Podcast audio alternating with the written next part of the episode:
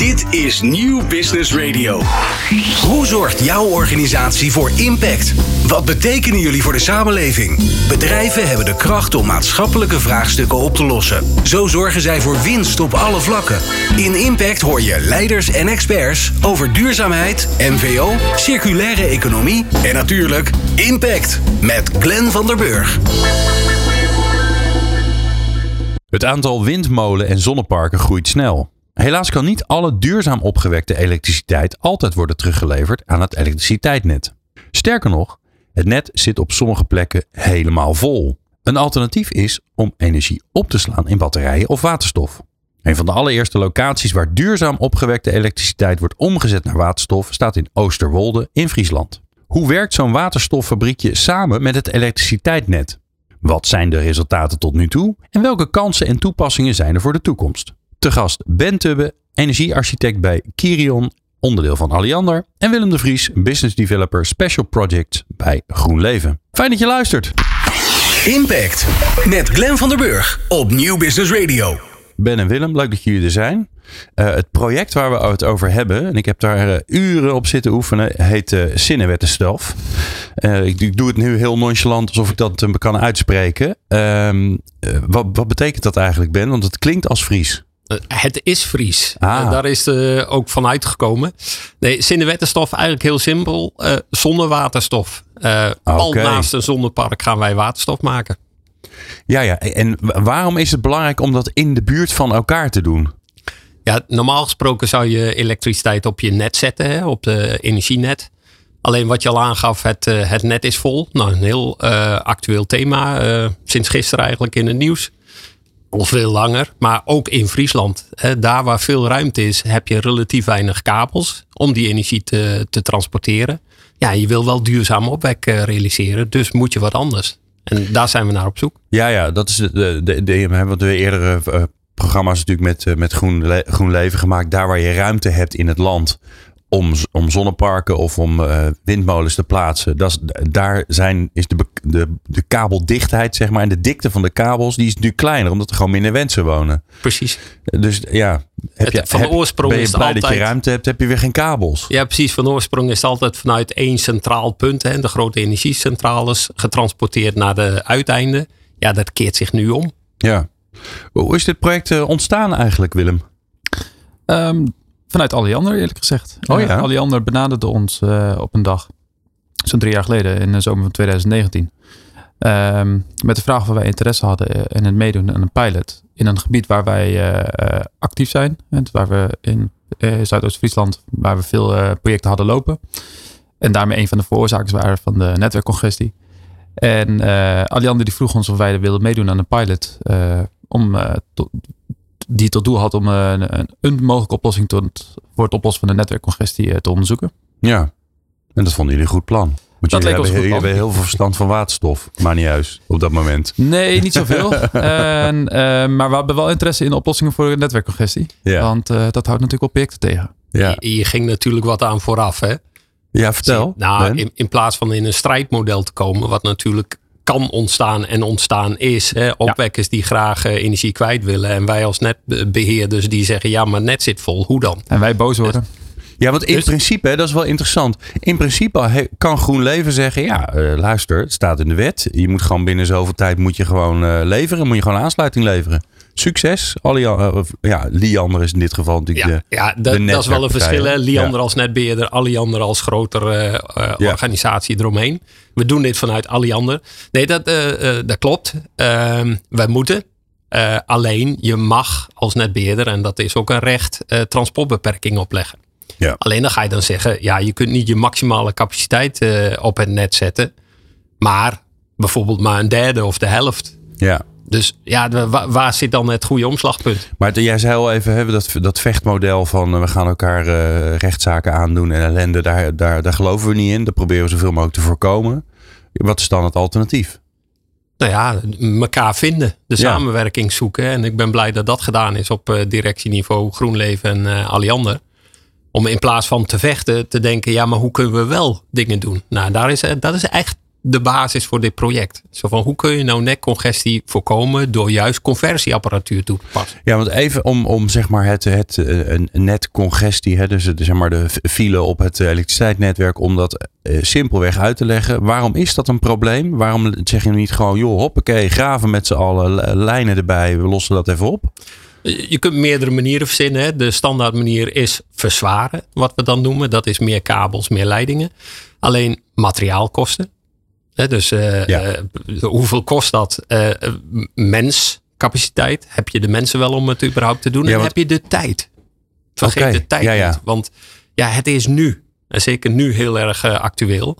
Maar je wil nu die duurzame opwek realiseren voordat je een netvlak, zoals dat zo mooi heet, verzwaard hebt bij jaren verder. Ja, met alle inspraakprocedures, ja. uh, vergunningen die je moet regelen, hè, los van de mensen die je niet hebt. En, en dat is ook wel interessant, volgens mij hebben jullie vast een keer uitgerekend. Stel je voor dat je uh, niks zou doen, je zou alles op dat netwerk willen kunnen gooien. Wat moet je dan investeren? Nou, dat we, uh, precies zullen we niet weten, maar dat is echt heel ja. veel geld. Ja. ja. da daarom ja, dat klinkt misschien heel gek hoor, maar dit is nog steeds uh, onderzoeksgeld. Ondanks dat het miljoenen is.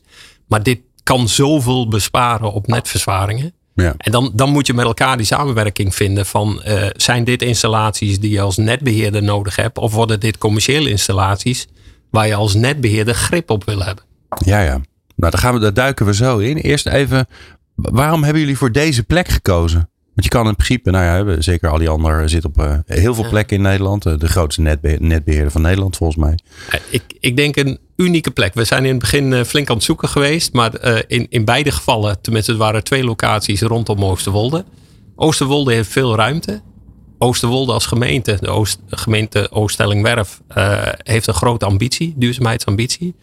En in dit specifieke geval heeft GroenLeven 50 megawatt zonnepark liggen. Nou, eigenlijk die, de ingrediënten. Die, die, was er al. In aanbouw. Oh, in aanbouw. Oké. Okay. Die was, ja, ja. Uh, die, die was geprognosticeerd daar. En um, Oosterwolde werd ook door Alliander aangewezen als zijnde uh, iconisch eigenlijk voor. En uh, als een van de eerste plekken waar netwerkcongestie ontstond in Nederland. Hè, op die manier. Dus dat, het, het was ook een beetje iconisch. Oké. Okay. Ja, ja. En als je het dan daar kan oplossen, dan heb je natuurlijk gelijk. Uh, dan heb je een puzzelstuk te pakken voor heel Nederland. Maar interessant is wel, je noemt ook die gemeente even. Wat is het belang van die gemeente dan?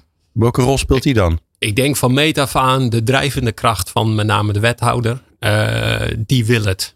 En als die wilde niet is, dan, dan ga je op allerlei manieren tegenwerking voelen. Maar die heeft echt het project ondersteund. Die wil graag waterstof in de gemeente hebben, ook om voorop te lopen in, uh, in Friesland.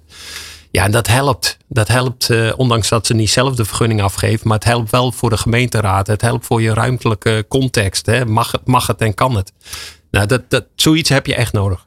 Ja, toch? Want ik kan me voorstellen dat veel burgers die denken bij waterstof nog aan. Hè, zeker als je wat ouder bent, dan denk je aan, ja, ik kan nog de, de H-bom. Uh, waterstof is een explosief goedje. Moeten we dat wel, moeten we dat wel willen? Leven dat soort sentimenten? Wij hebben, uh, we hebben een infoavond gehad. En mensen hebben daar al wat vragen over gesteld. Maar meer uit interesse. Uh, we hebben daar ook op die infoavond geen echte zorgen gehoord. Nee. Zie, uh, de, maar dan begeef ik me deels op glad gebied hoor. Ik ben niet een natuurkundige die dat precies weet. Maar het is een heel licht gas. Het is heel vluchtig. Het, het is zo weg. Het stijgt op als, hè? Ja, als het één keer ontvlamt. Dan kan het goed mis zijn. Maar de, de kans dat het ontvlamt, juist omdat het zo vluchtig is, is heel klein. Ja, Kleiner me, als aardgas. Nou, dat heb ik me ooit eens uit laten leggen. Dat, dat bij, uh, bij aardgas moet je je zorgen maken in de kelder, want het zakt naar beneden. En, uh, en ja. bij waterstof moet je je op zolder zorgen maken, want het stijgt op. En een huis is nooit kierdicht. Nee, dus praten het, we over huizen. Ja. Wij staan buiten in de openbare ruimte. Ja, het, ja. Het, het, het, is zo vluchtig, het is zo weg. Het is zo weg, ja. En dan ook niet zo, he, helemaal niet schadelijk volgens mij, toch? Waterstof kan niet zoveel kwaad. Nee, het is een element wat je ook aantreft. Ja. Oké. Okay. Wat wilden jullie bereiken met dit, uh, uh, met dit project? Met zinnenwettenstof, Willem? Um, voor ons was uh, het primaire belang om tweeledig. Eersterzijds ja, puur demonstratie dat dit kan werken op netwerkcongestiegebieden. Ehm, vanuit theoretisch kun je dat redelijk goed vaststellen. dat, dat, maar je moet het ook zien en mensen moeten het zien. Dus dat is één. De tweede was, um, ja, hoe bedrijf je die combinatie tussen een zonnepark en misschien ook een windpark erbij, eh, en eh, een electrolyzer samen. Eh, hoe bedrijf je dat economisch? En dat, daar zijn nog heel veel vragen over. Dat heeft te maken met elektriciteitsprijzen, hoe, goed, hoe snel die electrolyzer kan reageren op het profiel van die andere twee. Eh, en ehm, daarvoor, eh, daarvoor hebben we een paar jaar proef staan. Ja. Ik denk handig om even eh, dat jullie mij gaan uitleggen in niet al te ingewikkelde taal. Hoe het nou eigenlijk in elkaar zit. Dus wat ik voor me zie is dat dat zonnepark. Dat was al in aanbouw. Dat is mooi. Want dan het scheelt je een hoop gedoe in de tijd volgens mij. Eh, is het een beetje een traditioneel zonnepark? Ja. Gewoon een, een, een, een voormalig weiland met, eh, met zonnepanelen erin? Ja. Oké, dat snap ik. En het is 50 megawatt. Dus hoeveel zonnepanelen zijn dat dan wel niet? Oef. Ongeveer, precies, ongeveer hè? Ja, ik denk dat dat een 150.000. 150.000. Ja, misschien. Ja, Ik gebruik Oh. vaak als norm eh, 50 eh, megawatt is ongeveer 50 hectare. oké. Dus 50, 50 hectare. voetbalvelden. Ja. Ja, eh, zoveel zon ligt daar. Ja, En dat is best veel als je Ja. het ziet. dat is echt veel. Ja, ja als je dat hebt, als je dat, als je dat, die grond zou hebben midden in Amsterdam, dan. eh, Dan ben je binnen. Nou ja, nou, ja, met iets minder ook nog wel volgens mij. Oké, dus dat hebben we. Normaal gesproken zou je zeggen dat koppel je aan het net en Ja. op het moment dat de zon schijnt, dan gaat al die stroom gaat het net op. Maar nu zit daar iets tussen, zie ik voor me. Wat zit er tussen? Precies op dat koppelpunt. Dus waar je normaal gesproken met, noem het even, één dikke kabel naar buiten gaat en naar eh, het net. Daar prikken wij in met een kabeltje. Hè, want de verhouding is vrij klein hoor. Wij, onze installatie is, ondanks dat het een eh, behoorlijke installatie is, heel klein. Eh, maar wij takken een stukje van die eh, stroom af. En dat stoppen wij in een elektrolyzer. Oké. Heel simpel Oké, gezegd. dus die elektrolyzer kan niet alle zonne-energie aan die van dat veld afkomt. Nee, we, ehm, we hebben in het begin ook overwogen of we nou niet een kleiner zonnepark moesten nemen. Eh, om die verhoudingen realistischer te maken. Want in de toekomst zul je zien dat het waarschijnlijk 1 op 2, 1 op 3 is. De grootte van het zonnepark, de grootte van de electrolyzer. Ehm, maar dan limiteer je ook met wat voor proefmogelijkheden, wat- wat voor experimenten kan, je kan doen. We kunnen met deze setting kunnen we 1 op 2, 1 op 3, 1 op 4, 1 op 5 allemaal uittesten. Want ja, we, we pakken gewoon een groot stukje van het zonnepark. Ja, ja, je kunt een deel van het zonnepark aan of uitzetten. Precies. Ja. En eh, dat had, had je niet gekund als je. Ik, een ik zeg het, ik ben verhouding, bennen kijken. Nou. mm, uitzetten, uitzetten. Ja, het nee, leuke is, voor- de zon schijnt en het levert energie. Ja. En, en dat aan- en uitzetten is vooral op een eh, virtuele manier. Dus gericht op gegevens. Ja, Dus ja. We, we pakken de gegevens van een deel van het zonnepark. En daarmee gaan we spelen van hoeveel waterstof ga je daarmee omzetten. Ja. En daarmee ga je wel zien van hoeveel opwek heb je. Hoeveel werkelijke opwek op enig moment. En daar probeer je die verhouding in te vinden inderdaad. Ja. Nou, nou zit die, die electrolyzer. Ik, ik, ik, ik, heb, het, oh, oh, gewoon, ik heb daar YouTube filmpjes over gezien. Eigenlijk is het best wel simpel, behalve als het groot wordt. Eh, je hebt water, daar, dus daar gaat een stroompje doorheen. En eh, daardoor zorg je dat eh, ja, aan de ene kant eh, zuurstof wordt geproduceerd en aan de andere kant waterstof. Dus je, je splitst gewoon de boel, toch? Niks meer aan toe Dat is het. Nee, eh, we hebben Ingewikkelder is het niet. We hebben echt een ordinaire huisaansluiting voor wat betreft water. Dus het waterbedrijf gewoon een slangetje. Ja. Eh, dat gaat eh, de electrolyzer in. En inderdaad, daar wordt de H2O, water, wordt gesplitst in H2 en O2. ja, dus je produceert ook nog eens een keer zuurstof. Yep. Kan je daar nou wat mee? Daar hebben we lang over nagedacht. Alleen, dan wordt de grens van je project steeds groter. Ja, snap En ik. dat hebben we bewust dus niet gedaan. Om, om niet nog een koppelvlak te hebben eh, en Ja. het nog complexer te maken. Op termijn wellicht. Hè, want er zijn genoeg processen die zuurstof nodig hebben. Ik wou, ja, zoals mensen. Nou ja, maar dan, dan heb je voor medische toepassing. En, en dan wordt het nog eens een stapje erger. Ja, ja. En, en dat voelde heel dubbel hoor. In onze ontwerpfase eh, kwam corona opzetten. Eigenlijk hebben we dit hele project in coronatijd moeten doen.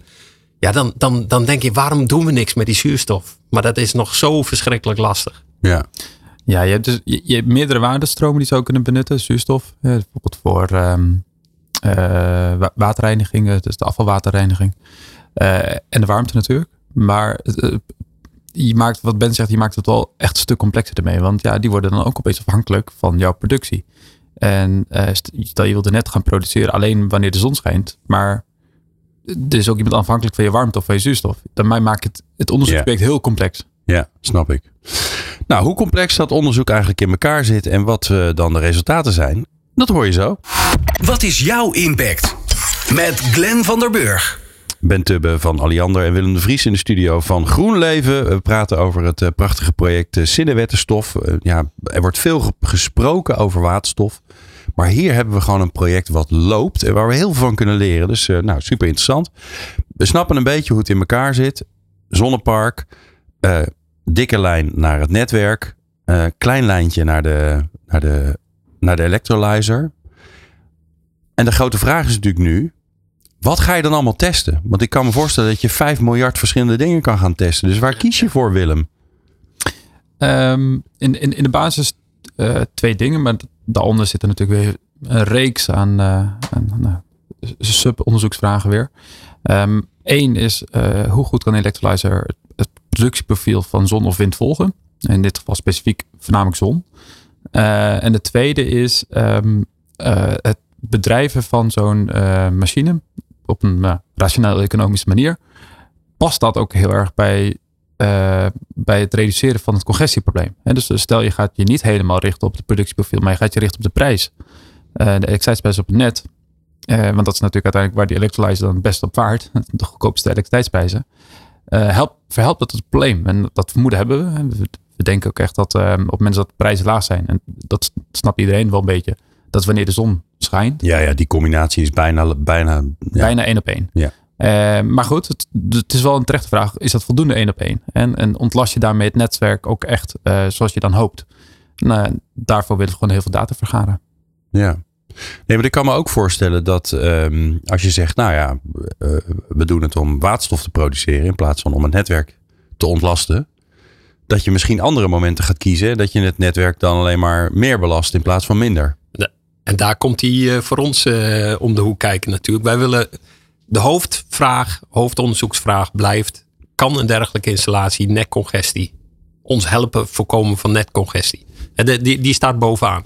Maar daaromheen zitten allerlei vragen uh, rondom thema's als wat als de commerciële partijen dit soort installaties gaan bouwen? Waar moeten wij als netbeheerder ons dan op voorbereiden? Ja. Hoe, wat is het gedrag, het aan-uitzetgedrag? En gaat het Gaat ons dat helpen of juist tegenwerken? Want als, als we dan nog extra kabels aan moeten leggen, dan helpt het niet. Nee, dan heeft dus, het in die zin geen zin. En, en dat is misschien nog wel een andere hoofdvraag die eigenlijk nooit zo hardop gezegd wordt. Maar hoe zit dat dan in die samenwerking? En wat voor afspraken moeten wij met elkaar maken? En nou, gelukkig uh, vinden Willem en ik uh, elkaar heel goed. En GroenLeven Alliander ondertussen ook wel. Maar hoe werkt dat? En hoe moet je dat formaliseren? Ja, want er zit ook een, waarschijnlijk een soort beprijzingsvraag achter. Van oké, als het jullie lukt om die netcongestie te voorkomen, dan heeft dat ook een waarde. Ja, maar die is altijd heel lastig. Hè? Want uh, de netbeheerder, hè, die heeft weliswaar geld. Maar geld om het net te onderhouden. Ja. Altijd voor energie te zorgen. Maar hij heeft geen geld zomaar om weg te geven. Hè, want dat is dan geld wat je niet uitgeeft. Dus daar waar het helpt om het net niet te, niet te verzwaren, komt dat eigenlijk de maatschappij ten goede. Ja. Dus die, die, die vind ik altijd heel lastig. Maar natuurlijk Mogelijk, zit er waarde. Mogelijk via het, um, het COPEX systeem, hè, dat nu uh, uh, een paar keer getest is. Uh, dat, Wil je even zeggen wat het COPEX systeem is? Ik weet niet waar de afkorting precies voor staat. Ik weet wel wat het voor bedoeld is. En dat is om netwerkcongestie problematiek aan te pakken op, op, op hotspots. En dat bijvoorbeeld een zonnepark ehm, een bedrag geboden kan worden om bijvoorbeeld een tijd niet te leveren op piekmomenten. En uh, dat, is, um, dat zou een systeem zijn waar bijvoorbeeld zo'n equalizer ook een rol in kan spelen. Daar hebben we nu niet een, een, uh, op geënt. Uh, maar dat zou zodra dat systeem bijvoorbeeld ook in de, deze regio actief wordt, wel echt op kunnen testen. Ja. En dan ga je heel erg op de flexkant zitten. Van de, de flexmarkt van aanbod en verbruik van energie. En daar zit ook een waarde in. Ja. Um, nou, ik zie het plaatje in mijn hoofd. Zonnepark, electrolyzer, dikke aansluiting. Um, ja, dan komt nu dus de belangrijkste vraag eigenlijk van dit, deze hele. Wat, heb, waar, waar, wat hebben jullie geleerd, Ben? Oeh, we zijn nog lang niet uh, uitgeleerd. Uh, maar we hebben al veel uh, leerervaring opgedaan hoor. Ja.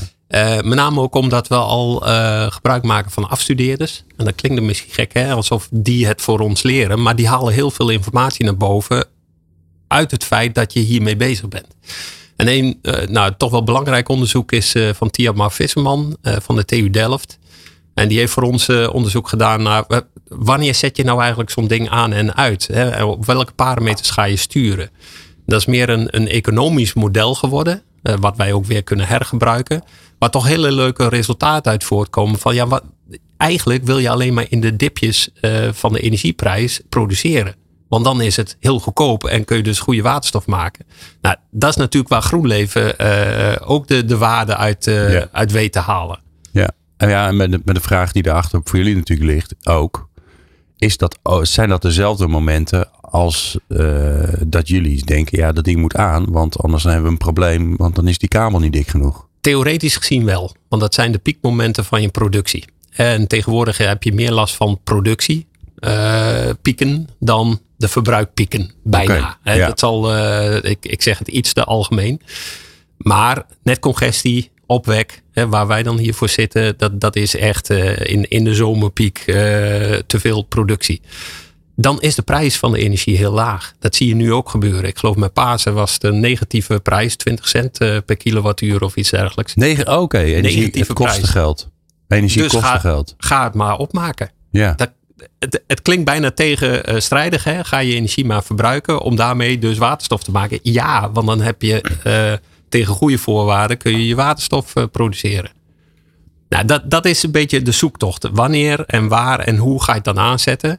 Ja, dat gaan wij, daar gaan we nog veel van leren, omdat dat uit de praktijk moet blijken. Ja. En nu hebben we een theoretisch model. En dat gaan we nu toetsen met de gegevens die we ophalen. En Willem, wat, wat, want um, we praten over een electrolyzer alsof het een ding is wat je even op de hoek van de straat koopt. Maar um, het is natuurlijk best wel, zeg maar, zeker het gebruik op grotere schaal, die is nog niet heel daar is nog niet heel veel bekend over. En nu zal dit niet een mega grote zijn, maar uh, liep dat technisch allemaal een beetje soepel? Um, de, dat zijn veel vragen. Ik, ik, begin even met de ervaring op grotere schaal. Ja. Um, gek genoeg is 100 jaar geleden was er al best wel wat ervaring op grotere schaal met elektrolyse. En uh, dat komt omdat wij, um, nou, exacte datum weet ik niet, maar het proces om waterstof te maken uit aardgas uh, pas later leerde. En eerst waterstof uh, dat in de industrie gebruikt werd, uh, door middel van elektrolyse werd gemaakt. En wat minder efficiënt dan tegenwoordig, wat, et cetera. Dus daar was gek genoeg, 100 jaar geleden, best wel wat ervaring mee. Tegenwoordig zijn we dat verleerd, want we gebruiken aardgas voor alles. en dat, dat is wel makkelijk nu. Um, dus ik, ik denk dat dat wel meevalt. de, de uitrol, deze markt, die, ja, die exporteert gewoon. En dat merken we ook aan alle leveranciers.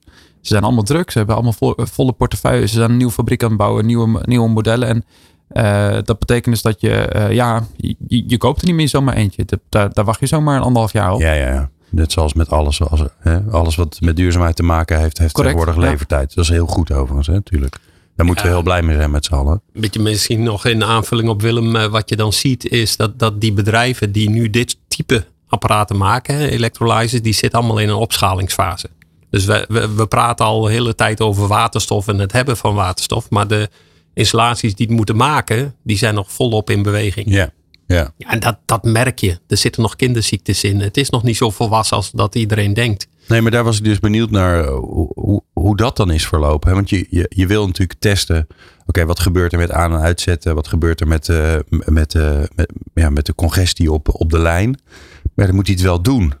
Ja, ja en um, nou, dit is voornamelijk een proces dat Alliander stuurt, uh, dat inkopen. Maar we hebben natuurlijk gezocht naar een machine die wat extra's kon. En we hebben dat ook gevraagd aan de leverancier. Uh, die zijn daarmee ook mee aan de slag gegaan. En die hebben daar uh, ook de nodige moeite mee gehad. Dat heeft niks te maken met het chemische proces aan zich. Dat heeft puur te maken, ja, dan moet, daar moeten weer wat extra uh, mogelijkheden in zitten. qua besturing, maar ook qua. en we willen ook alle data verzamelen, alle data. Niet zomaar hè, een paar, paar, paar metrics, maar alles. En dat betekent gewoon dat er een hele stukken herontworpen moeten worden. En daar, dat heeft wel wat extra tijd gekost, ja. Ja, ja. ja. En het interessante is natuurlijk, je gaat een apparaat neerzetten die, een, uh, die gaat waterstof produceren. Iets wat we met z'n allen heel hard nodig gaan hebben in het hele uh, energie zeg maar, uh, systeem wat we, wat we hebben. Hè? Want er wordt heel veel gesproken over. Ja, nee, maar dat gaan we met waterstof oplossen. Maar er is nog heel weinig. Dus in dit geval heb je zo'n op een plek heb je het staan. En dit zou je kunnen gaan kopiëren als het natuurlijk werkt. En dan staat hij heel vaak uit. Hmm, of die heel vaak uitstaat. Nou, ja, s'nachts. S'nachts gaan we hem niet uh, bedrijven. Nee. Ik wilde net zeggen. En in de winter ook niet? Maar dus, Want er schijnt de zon bijna niet. Nou, nee, dat, maar daar, daar zit dus iets leuks. Ja. Want omdat we naast een heel groot zonnepark zitten, kun je hem dus heel snel aanzetten. Zelfs met maximaal vermogen. En daar zit precies die verhouding zoeken tussen omvang zonnepark, omvang van je conversieapparaat. Want ja, als de zon maar even schijnt, ook in de winter, kun je zoveel vermogen krijgen dat je misschien wel alle energie op dat moment in die electrolyzer stopt. Ja. Maar dan moet dan ook qua prijs gaan passen. Hè? Van, loont het om die waterstof te maken of kun je het beter op het net zetten? Omdat er dan ook een grotere vraag naar elektriciteit is. Nou, dat hele spel, en daarom dat we ook meerdere jaren dit gaan eh, onderzoeken. Je moet dat gewoon een aantal keren ook in de seizoenen beleven om te snappen hoe dat werkt. Ja. Ja, en ik, deze installaties moet je niet alleen maar aan zonne-energie dan willen besteden. Het, uiteindelijk wil je ook kijken of je daarmee ook een, een een overvloed aan windenergie kan opvangen. Dat ga je ten dele doen met electrolyzers op zee of aan de kust. Maar waarom niet deze ook daarvoor benutten? En er ligt tenslotte toch een kabel heen. En dat kun je ook gewoon gebruiken. Ja, want ik, ik zit heel simpel in mijn hoofd. Ik, ik snap, ik snap de, de oplossing van de netcongestie, snap ik. En het mooie is, je, je, ehm, je maakt waterstof, wat we heel hard nodig hebben. Dus dat, die combinatie is fantastisch. En ik zie gewoon voor me, je koopt een heel duur apparaat. Ja. Dus, Een fabriekje eigenlijk, een mini-fabriekje. Nou, en, en hoe groter het zonnepark, hoe groter die fabriek eigenlijk moet zijn. En die staat gewoon heel veel van de tijd niks te doen. Nou heb ik een klein beetje economische eh, les ooit vroeger gehad. En dan weet je, nou, als je iets moet doen in een fabriek, is gewoon zorgen dat die fabriek vol zit. Ja. En in dit geval doe je dat niet. En dan denk ik, ja, dan moet dat geld toch ergens anders vandaan kopen. Ja, komen. dus dat, het, hoe je dat moet zien is dat ehm, eh, de, de stroomprijs waar we gewend waren dat eh, de eerste 20%, de goedkoopste 20% van de stroom in het jaar bijna even duur was als de duurste 20%. Dat gaat heel erg veranderen. Hè, de, de, wat je gaat zien is dat de eerste 20%, de- laten we zeggen, de, de goedkoopste 20% van het jaar praktisch gratis is. Ja. En de laatste 20% extreem duur. Hè, dus dat ga je ook echt proberen te vermijden dat je in die uren draait. En dat gaat niet alleen voor de electrolyzer gelden, dat gaat straks ook voor alle industrie gelden. Dat- nou goed, eh, heads up voor iedereen. Maar misschien wel bij ons thuis ook. Ehm, ik kan me voorstellen dat je je wasmachine even niet aanzet op dat moment. Ja. En, of eh, de, de, de, de, de, vaatwasser, et cetera. Als het wind, windstil is en nacht, dan moet je niet je wasmachine aanzetten. Correct. Dat, dat- en ik vermoed ook dat mensen dat niet gaan doen dan. Ja. Ehm, wat, wat er dan zal gaan gebeuren is dat je electrolyzer, als je die business case uitrekent, en eh, dat doen we ook op dit moment weer met een afstuderen, we kijken naar de stroomprofielen voor de komende 15 jaar. Tenminste, hè, wat de verwachtingen zijn. En dan zie je dat in t- 2030, 2035 het voor een electrolyzer meer uit kan om 2.000, 3.000 vollusturen per jaar te draaien. Dus dat is zeg 40% van de tijd dan 100% of 80%. Hè, omdat die laatste uurtjes van het jaar de prijs gewoon extreem, eh, extreem hoog is van de stroom. Ja. Ah, er zit nog een fenomeen bij. Hè. Eh, een groot deel van de dag is nacht. In ons geval met de zon. Als je wind hebt, dan kun je die eh, energie direct gebruiken natuurlijk. Hè. Dat zal de hoeveelheid uur misschien wel eh, omhoog brengen. Maar als je puur kijkt naar zon. En als ik s'nachts zou willen produceren. Dan ga je toch ook behoorlijk betalen voor je netkosten. Dus alle energie die je dan onttrekt uit het net. Daar betaal je voor. Eh, logisch. Hè? Want nou, anders eh, krijg je het allemaal maar gratis. Maar dat drukt allemaal op de business case en de waarde van je waterstof. Ja. Nou gaan jullie, ehm, ehm, eh, als je, tenminste de verhalen die ik ken, de gesprekken die ik heb gevoerd over waterstof, die zijn allemaal best wel groot. Dus heel veel wind op zee.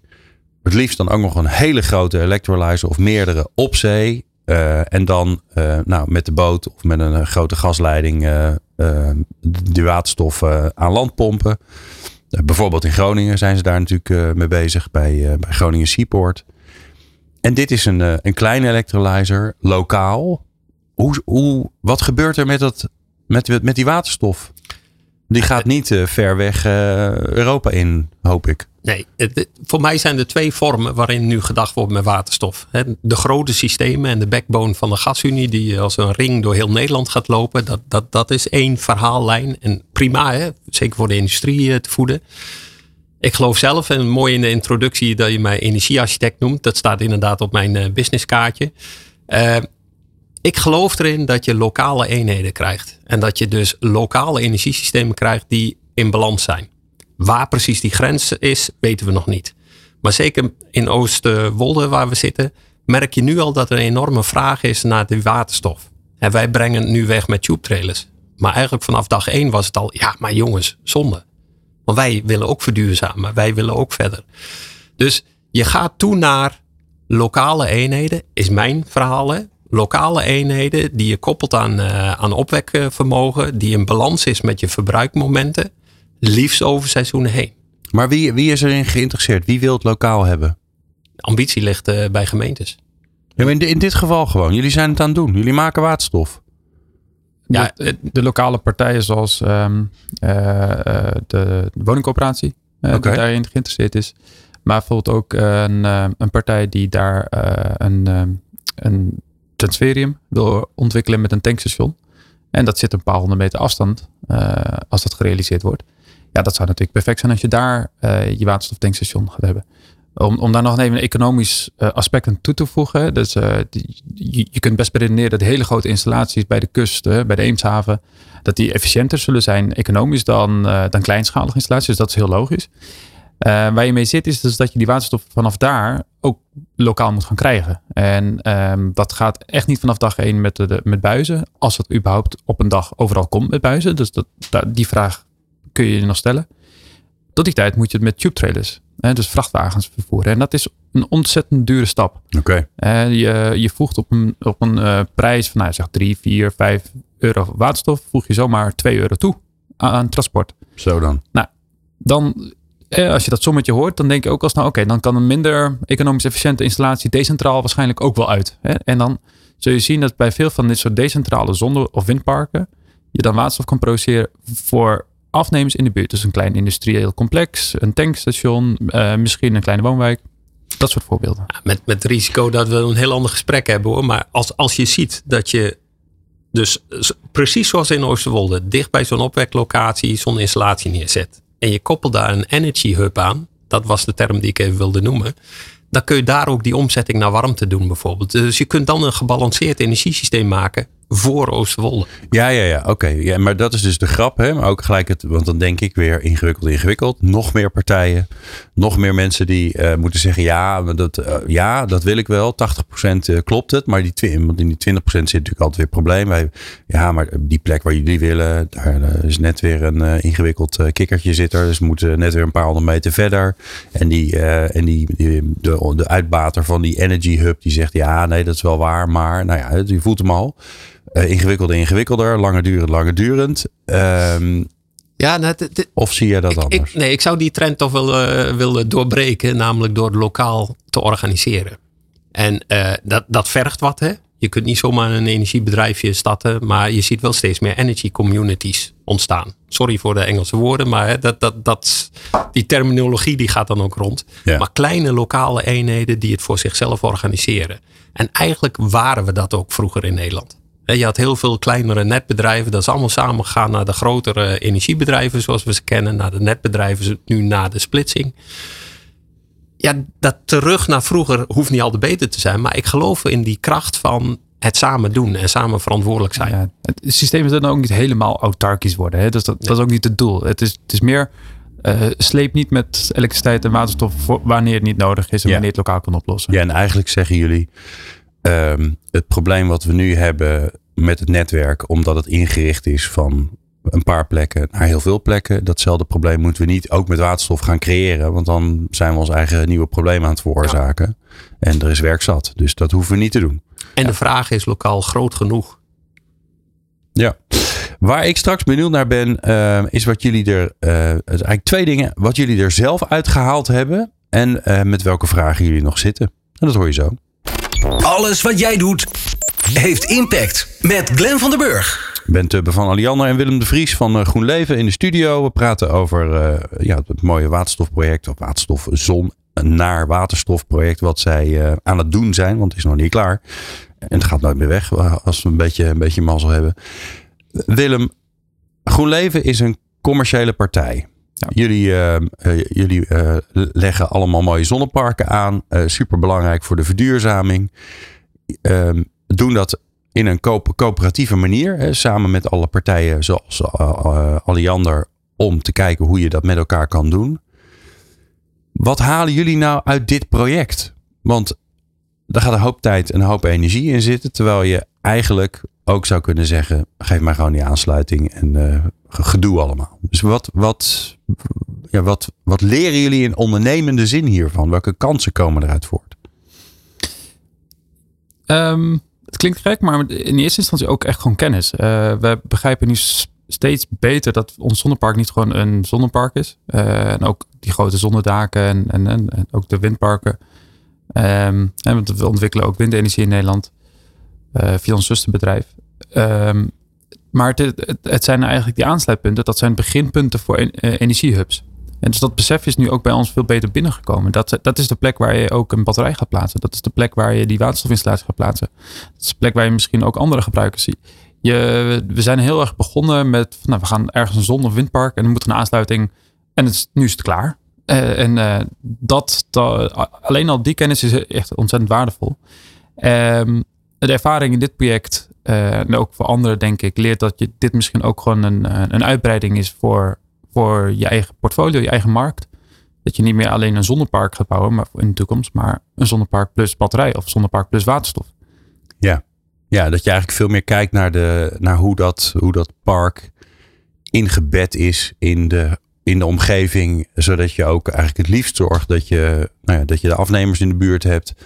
Uh, of, uh, of dat je er ja, iets met batterijen of met, uh, met waterstof moet doen om te zorgen dat, je, dat het systeem weer klopt eigenlijk. Ja, dus veel minder um, een, een, kaal object in de energietransitie neerzetten, maar een, een, een completer balanceer, gebalanceerder onder de, onderdeel van de energietransitie vormen. Ja, nou mooi, toch? Ja. Ja, is voor ons heel waardevol. Maar is het dan ook het idee dat jullie daarbij een soort van grote producent van waterstof gaan worden? Nee, dat overwegen we wel, ja. Um, en dat is kijken hoe we dat doen met, met andere partijen in de keten. Um, maar dat, dit, dat die energiehubs, ja, nog inderdaad Engels jargon, maar ja. die energiehubs. We zijn het uh, gewend. Dat dat um, iets wordt, uh, dat dat hem wordt zelfs, dat is zeker.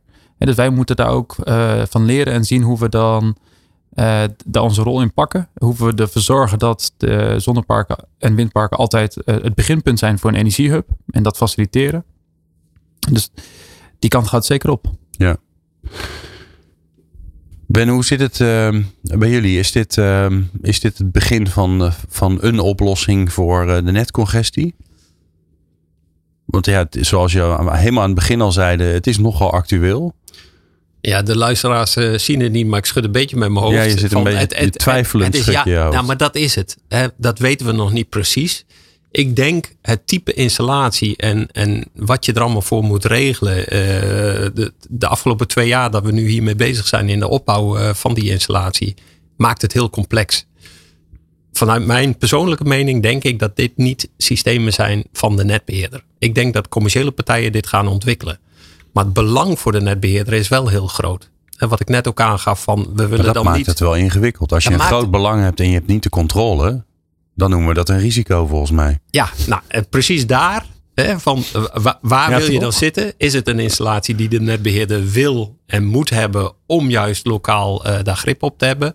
Of ga je met partijen als GroenLeven in zee en maak je daar afspraken met elkaar over? Maar dan moet je misschien ook wel, nou dat klinkt dan heel stoer, bij wet regelen, hè, dat je dat regulatorisch hebt ingeregeld. Nee, maar het is natuurlijk voor jullie is het, hè, zoals je zelf al, hè, ik, ik, ik zei natuurlijk voor de gein, als je een congestie voorkomt, heeft dat een waarde? Dan zei ja van ja, maar ja, dat, het voorkomt kosten, het, is, het zorgt niet voor inkomsten. Nee, maar het, je zult er bijna naartoe moeten, of je moet zelf de controle nemen. Dus door te zeggen, oké, onderdeel van, eh, weet ik veel, een transformator of weet ik veel wat, is dat we uh, ook een mogelijkheid hebben om met een overvloed aan energie iets te doen, namelijk bijvoorbeeld waterstof. Of je zult moeten zeggen tegen partijen als GroenLeven, joh, wij hebben een belang, namelijk dat jij het netwerk niet opblaast. Dus je kunt ons helpen en dat heeft een waarde voor ons. Maar precies op dat snijvlak zit dat gezamenlijke belang. En daar, daar wil ik naartoe. Van, het, het wordt niet meer alleen een feestje van een netbeheerder om het te doen. Het wordt een gezamenlijk issue om energie te kunnen transporteren, in welke vorm dan ook. Ja. En ik denk dat dat ook een, een nieuw besef is voor netbeheerderschap, hè, om het maar eens groot te maken. Dat kun je niet altijd zelf. Dat moet je misschien in een samenspraak lokaal, dan wel uh, interregionaal uh, gaan oplossen. Ja. En dat doen we eigenlijk nu al met Tennet. Hè. Als je puur het elektrische systeem kijkt, de Tennet en de regionale netbeheerders. Maar ik denk dat die keten zich, uh, zich doortrekt. En zeker in aansluiting op het verhaal van, van Willem. Ehm, het feit dat wij nu die waterstofketen hebben leren kennen, daar zit een, al een enorm belang in van hoe werkt het? Uh, met wat voor partijen krijg je te maken? Hoe gaat dat überhaupt afzet? Daar zit ook al een enorme, ja, uh, de kennis noemde Willem het, maar de, de, de kennis van hoe gaat dat, helpt ons om er voorbereid te zijn als je dit grootschalig wil gaan toepassen. Nee, maar dat vind ik het spannende. Hè? Dat je, er is heel veel ervaring op gedaan. We hebben nu al een probleem. Dat gaat de komende jaren, maanden, eh, gaat waarschijnlijk eh, de ene na de andere bericht in de krant komen. We hebben, hè, Amsterdam is al geweest. Nu was uh, natuurlijk een bericht over Tennet, over Limburg en, en, en Brabant. Nou, dat zal vaker gaan voorkomen. Als jij het voor het zeggen had, je, je hoeft nergens rekening mee te houden, zou je dan zeggen, nou, dit moet je gewoon op heel veel, heel veel plekken, je kunt ze zo aanwijzen, want je weet waar de, waar de knelpunten zitten, hup, zo'n ding neerzetten. En ik zeg niet dat de oplossing is, maar het is in ieder geval een oplossing. Ik, ik, ik heb de neiging om te zeggen ja, en, en koppel dat vooral aan de lokale behoefte qua energie. Ja. Dus hè, van, ga dan niet zeggen van nou en daarmee gaan we zoveel kilogram waterstof, groene waterstof maken en dat kan naar Rotterdam en naar maar probeer dat lokaal te houden. Ja. ja. Dus eh, bedenk het vanuit een totaal systeem. En niet als van, nou, dan gaan we dus maar overal waterstof maken. Daar geloof ik ook niet in. Ja. Willem, de toekomst. We gaan even afsluiten met een blikje, een blikje in de toekomst. Droom eens even mee. Wat, wat, wat jullie geleerd hebben vanuit dit mooie project. Wat gaat dat betekenen voor nou ja, zeg maar de energietransitie in Nederland? Ik denk dat we in de nabijheid van uh, duurzame energieproductie in Nederland veel gaan zien dat daar een, een hub ontstaat waarbij je uh, probeert warmte te produceren lokaal voor een woonwijk, uh, waarbij je waterstof probeert te produceren. misschien een batterijinstallatie hebt staan om het netwerk te stabiliseren. En dit zullen kleine installaties zijn, de zon- en de windparken zelf hoor. Maar dan ook om omdat we gewoon niet meer verder kunnen met het domweg aanleggen van zon- en windparken en maar een nieuwe aansluiting aanvragen. Nou, dat, dat, is iedereen ondertussen wel duidelijk. En het kost gewoon jaren voordat voldoende kabels weer zijn bijgebouwd. Dus ook om daar uh, de, de, het verdere verloop van de energietransitie mogelijk te maken. Meer zon en meer wind. Ook meer zon op de daken. Want op heel veel plekken kan dat ook al niet meer. Om dat mogelijk te maken zul je dus ook juist op lokale schaal uh, die conversie naar andere energievormen moeten doen. En ik denk dat we dat heel erg gaan zien de komende decade in Nederland. Ben, je mag even dromen door je oogharen heen. nou ja, dat is heel erg in lijn met wat Willem zegt. Als je dat doorpakt, dan denk ik dat wij hiermee een puzzelstuk hebben uh, weten in te vullen. Uh, wat je moet zien als een menuoptie voor een netbeheerder om te zeggen, nou in deze situatie is conversie een prima hulpmiddel. In een andere situatie zou het veel slim zijn om te verzwaren. Dus het is ook absoluut niet dat ik zeg dat je niet meer aan netverzwaring moet doen. Maar je moet heel goed kijken naar wat is lokaal nodig en hoe past het dan in het totaal systeem. En dan denk ik met alles wat waterstof in zich heeft. Je kunt het langer bewaren. Uh, de seizoensoverbruggen. ja, het bederft niet hè? Het bederft niet zomaar. Je moet er nog goed inpakken dan hoor. Daar niet van. Uh, kost ook een hoop geld. Maar je creëert iets wat echt houdbaar is. En ik denk, we eh, noemen het intern bij ons wel eens een volhoudbaar energiesysteem. Dus wat je niet, niet uitput uh, in, in uh, natuurlijke resources, maar wat het dus volhoudbaar maakt. Waarmee je zelf je energie weet op te wekken, waarmee dat in balans is met je verbruik. Nou, dat, dat is wel waar ik in geloof. En dat is waarom ik nou, in mijn rol als energiearchitect, ja, daar streef ik naar. Dat, dat, daar gaan we naartoe. Mooi. Nou, uh, aan jullie enthousiasme zal het niet liggen. Aan uh, jullie, jullie, kwaliteit om samen te werken. Hè? Want dat, dat klinkt heel vanzelfsprekend, maar dat is het natuurlijk helemaal niet. Het is gewoon knap als je goed kan samenwerken. Daar ligt het ook zeker niet aan. Dus ik heb alweer, uh, ik heb alweer vertrouwen. Ik kan weer rustig slapen vannacht. dank jullie wel voor jullie wijsheid en jullie mooie inzichten van, van het mooie project Ben Tubbe van Alliander en Willem de Vries van Groen Leven. En jij natuurlijk, dank je wel voor het luisteren. Meer afleveringen van Impact vind je op impact.radio.